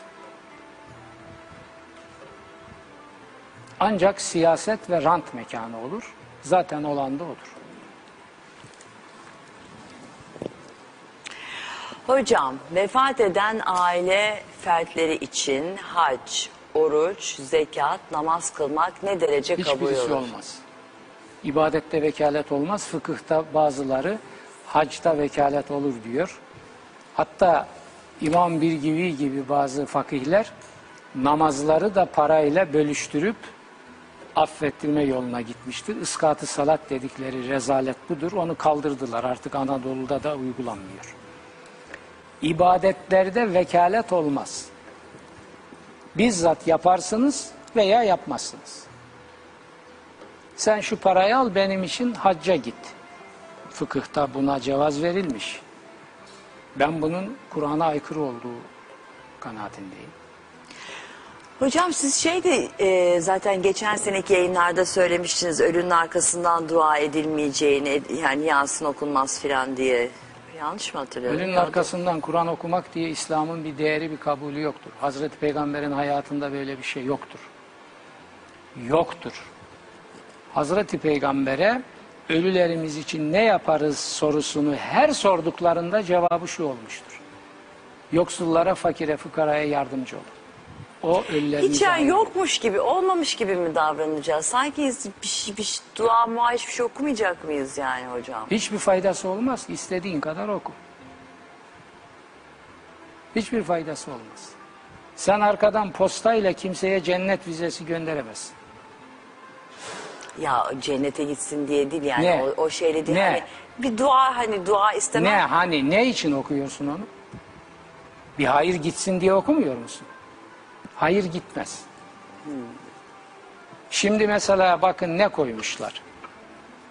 Demin dedik ki Subhanallahi ve bihamdihi işte yüz bir defa söyleyen anadan doğmuş gibi tertemiz olur. Ah. Yalancıya Allah nasıl bir hesap soracak merak ediyorum. Şimdi senin o dediğinle şu Kur'an yan yana gelmez. Yani peygamber bu Kur'an'a kendisine vahyedilen kitaba aykırı bir din mi kurdu? Sizin bu uydurma hadislerle din diye ortaya sürdüğünüz bu Kur'an'a aykırı. Siz peygamberi kendisine vahyedilen kitaba aykırı bir din kurmakla mı itham ediyorsunuz? Bunun birini seçeceksiniz. İkisi yan yana durmaz bunlar. Peki hocam mezara konurken falan dua ediliyor. Fatiha Edersin. Onun da okunuyor. ona bir faydası yoktur. Zurna çalacak halin yok ya. Yani ne yaparsın? Evet. Kutsal metinler okursun. Dua edersin. Gözyaşlarının içinde ne? Klarnet mi çalacak? Yani. Ya, klarnet tabii muhteşem bir saz. Şunu söyleyelim. Hazreti Peygamber'in hayatında Kur'an'ın herhangi bir biçimde ölü kitabı haline getirilmesine delil olacak hiçbir şey yoktur. Ölü için Kur'an hatmi, ölü için cüz okuma, ölü için bilmem e, filancaya şunu ısma yok böyle bir şey.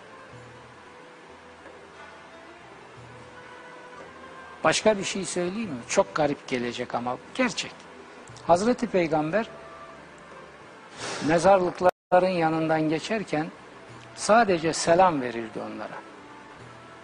Orada bile durup öyle Fatiha okuyayım da onlara elimi kaldırayım da hibe edeyim de filan. Şimdi adam oturuyor Kur'an'dan bir, yere, bir şeyler okuyor veya hatim indiriyorlar. Ondan sonra hibe ediyor. Hibe de demiyorlar ama hibe diyorlar. Türkçe tabi hak getire felaket. Evvelen ve bir zat çoğu da bizzat demiyor bir zat diyor. Bak bak bak. Resul-i Ekrem Efendimizin ruhi pakine hediye ettik. Seni edepsiz, terbiyesiz, küstah. Sen kimsin de peygamberin ruhuna Kur'an hediye ediyorsun? Bu Kur'an'ın mahvedi o peygamber. Sen kimsin?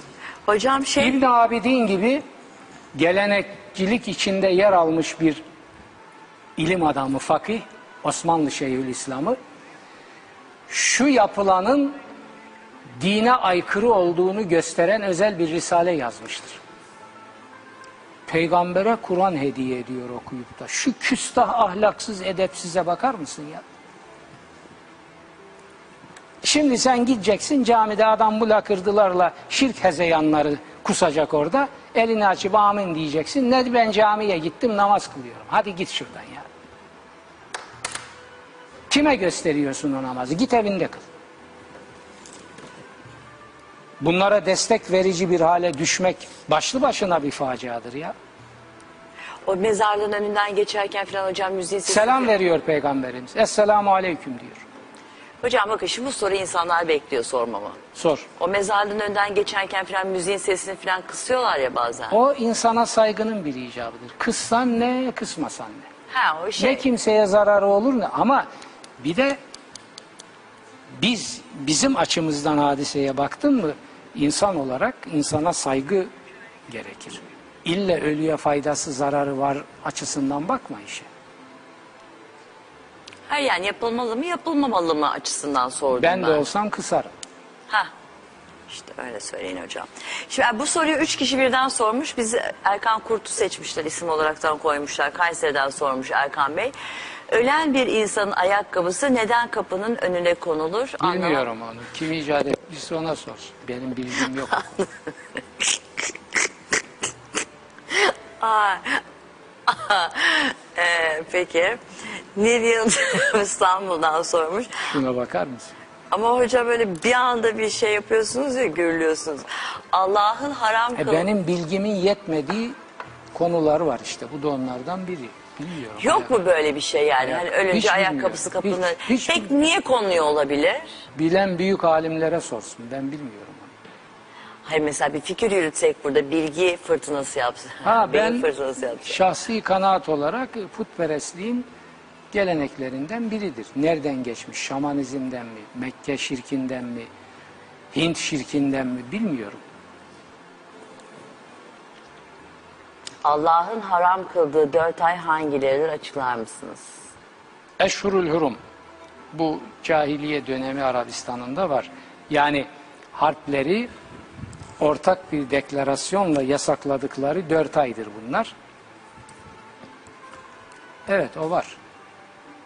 Hangi Ama bu, bunun ya Arapçalarını şimdi burada hangi aylar onları şu anda hatırlayamayacağım. Yani haram aylar var. Bir de hac ayları var. Bunları Kur'an zikrediyor. Evet diğer soruya geçelim. Yani eşhurul hurumun bugün pratik hayatta bizim için hiçbir anlamı yoktur. O bir hatıra olarak Kur'an-ı Kerim onu veriyor. Müşrikler ortak deklarasyonla kan dökmeyi yasakladıkları halde bunu ihlal ediyorlar. O münasebetle veriyor bunu Tevbe suresinde. Başka bizim için bir anlamı yok. Mahmut Ha şimdi bakın eşhurul hurum bizim bizim dünyamızda eşhurul hurum kalmadı ey ahali. Her gün birkaç şehit gidiyor. Yani cahiliye Arabında hiç olmasa dört ay kan dökülmüyordu. Bizde o bile yok. Her gün bu ülkenin çocuklarından birkaçı ölüp gidiyor. Maalesef. Yani ben diyorum ki İslam dünyası şirke batmıştır. İşte kanıtlarından biri de bu. Yani cahiliye Arabının, müşrik Arabının hayatında eşhurul hurum diye dört ay kan dökmeyi ortak kararla yasakladıkları bir, bir dünya orada var. Bugün insan haklarının anıtlaştığı, mabetleştiği bir dünyada ve Cumhuriyet Türkiye'sinde bizim eşhurul hurum kadar bile kan dökmeme haysiyetimiz kalmadı.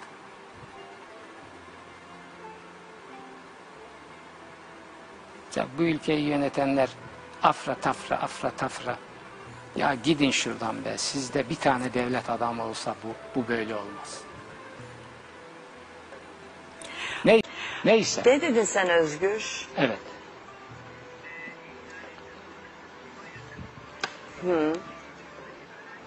Bir dakika internete bakmışlar ayakkabı koyma olayına. Ölen kişinin eşyalarını fakirlere dağıtmak ile, dağıtmakla ilgili bir gelenek mesaj. Ama öyle değil kapının önüne koyuyor ya bir tane ayakkabıyı. İnternette böyle yazıyormuş. Ha biri mi? gelsin alsın diye mi? Neyse bilmiyorum. Şimdi bunu sen kabul edebiliyor musun? Eşyasını dağıtacaksan koyarsın poşete dağıtırsın uygun insan. Neyse canım boş ver. Mahmut Çeber Tokat'tan sormuş. İlk Ramazan bayramı nasıl oluşmuştu? Kur'an'da geçiyor mu? Kur'an'da geçmez bunlar geleneksel kabullerdir. Hazreti Peygamber onu o şekilde kutlamış ve o gelenek yerleşip kalmış. Yani Kur'an'da Ramazan bayramı diye bir tabir yok. Kurban bayramı diye bir tabir de yok. Gülşen Karataş Kuşadası'ndan sormuş. Kur'an'dan önce ilmihal kitaplarını okumamız gerekiyor mu? Niye Kur'an okumuyor? Bunu soruyor bana. Ön, diye hani diyor ki önce onu okuyup sonra mı onu okuyayım demek istiyor herhalde. Ay ben de. Valla önce onları okursa oradan zihnine bulaşacak pası, kiri temizlemek için de bir gayret sarf etmesi lazım. Niye sıfırdan Kur'an'dan başlamıyor? Bir şey söyleyeyim mi hocam? Şimdi biz okuyoruz ya mesela Kur'an-ı Kerim'i işte Necm suresindeyiz. Hani tek başına okursan yani siz e, hani gü- güzel bir şekilde her ne kadar bazen bir gitseniz de geri gelip anlatıyorsunuz da kişinin kendi başına ilk, ilkinde hani hep zaten söyleniyor birkaç defa okunması gerektiğini ve her defasında başka bir Evet. mana çıkarılacağını ama ilk başta zor anlamak. Çünkü çok şey var altında. Yani oralara girmek.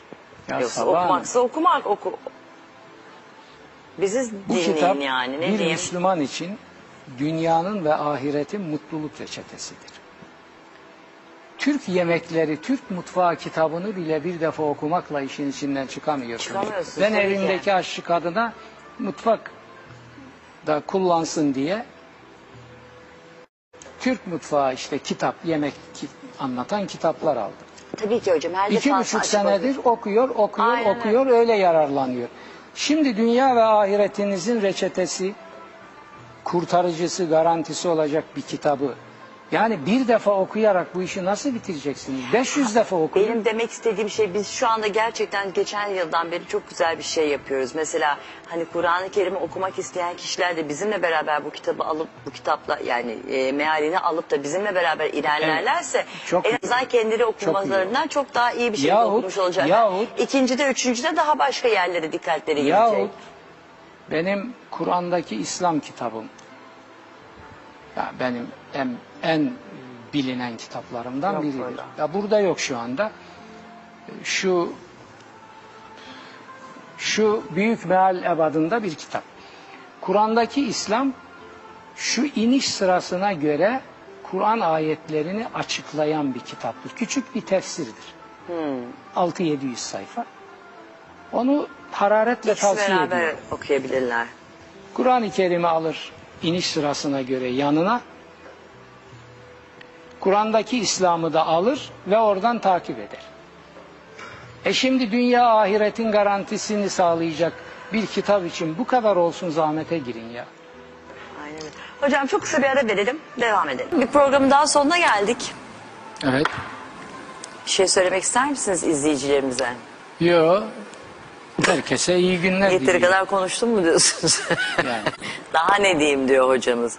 Neyse haftaya inşallah tekrardan beraber olacağız. Size de bütün izleyicilerimize de Mutlu günler, hayırlı işler. Hayırlı işler diliyorum. Hep böyle cumaymış gibi gelip bir hafta sonu tatili dilemek istiyorum da. Cuma 10 ay yaptık değil mi program? Evet. Bunu bir iki ay yapalım. Perşembe yerleşir senin de zihnine. Ben de evet anca yerleşiyor. Ama izleyicilerimize de belki öyle. Neyse konuşuruz bunları hadi. Yarın görüşmek üzere.